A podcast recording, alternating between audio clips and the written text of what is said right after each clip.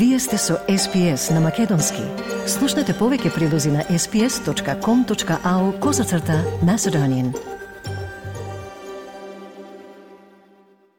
Премиерот Димитар Ковачевски вчера попладне во Софија на средба со председателот на привремената бугарска влада Галаб Донев на која клучна тема беше справувањето со последиците од енергетската криза, договори формирање работна група која треба да ги утврди техничките аспекти во врска со подпишување и исклучување договор во областа на електроенергијата за снабдување со 200 мегават часа струја за потребите на Македонија заклучно со март следната година.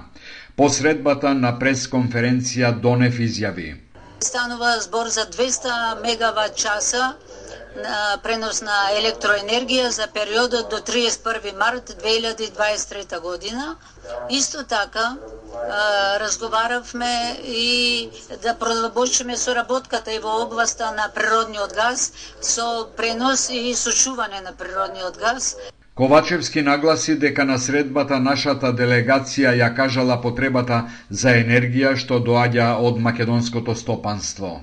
Исто така разговаравме и во однос на поврзувањето со нов интерконектор за газ, кој што би бил направен во делот на поврзување со течен газ и исто така во однос на капацитетите на постојниот интерконектор кој што го имаме со Република Бугарија, како и со како и за можностите и нормално, што ќе биде исто така дел од работата на работната група, за складирање на течен газ во складиштата кои што постојат во Република Бугарија. Бугарскиот технички премиер Донев истакна дека тој и Ковачевски ги потврдиле добрите оценки за создадените предпоставки за развој на диалогот меѓу двете земји и тоа дека ќе работат на продлабочување на конструктивната соработка во сите области од заеднички интерес, вклучени во договорот за добрососедство и сето што е договорено меѓу протоколите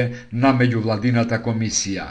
Да работиме а, со редослед за задлабочување на конструктивната соработка во сите области од заеднички интерес, како и сите договор, договорени а, нешта помеѓу протоколите на меѓувладената комисија.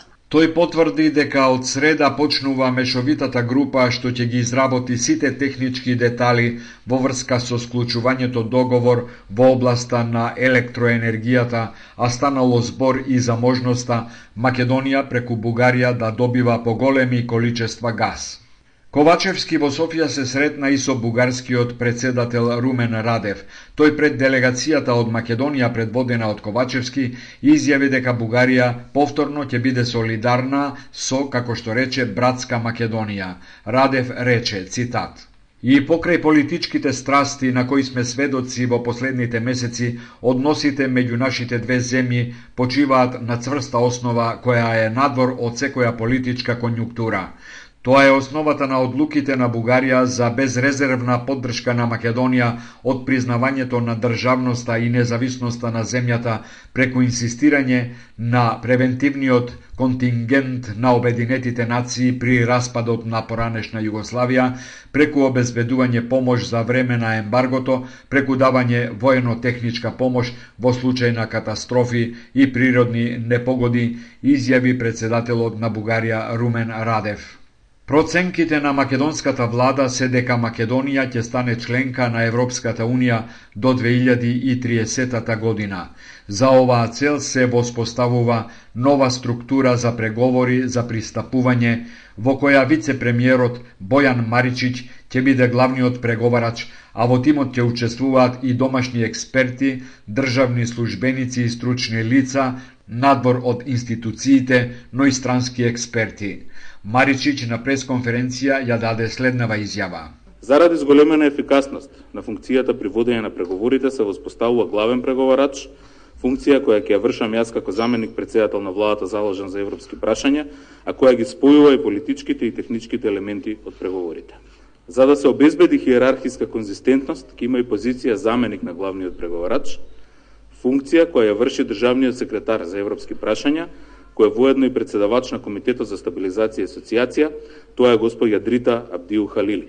Овој нов преговарачки пристап е клучен чекор во нашата евроинтеграција, оценува Маричиќ. Тој им упати порака на институциите да бидат подготвени, бидејќи, како што рече, следува динамичен период. Имаме адресирање на бројни аспекти, бројни теми, во рамките на шесте кластери, трите посебни области и 33 преговарачки поглавија.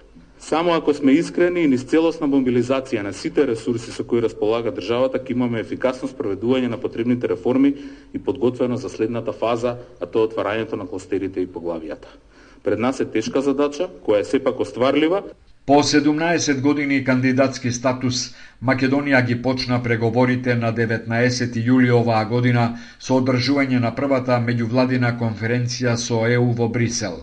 Земјава сега е во процес на така наречен скрининг на законодавството, но за отворање на преговарачките поглавја ќе бидат потребни уставни измени на барање на Бугарија за внесување на бугарите во македонскиот устав.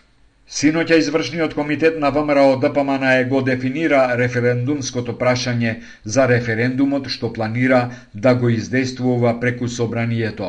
На референдумот, ако биде распишан, граѓаните ќе треба да се изјаснат дали се за укинување на договорот за добрососедство и соработка со Бугарија.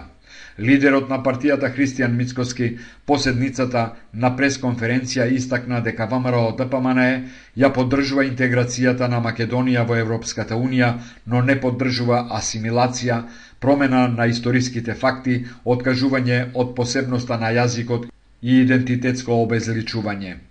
Мицкоски на новинарите и на јавноста им го соопшти дефинираното референдумско прашање.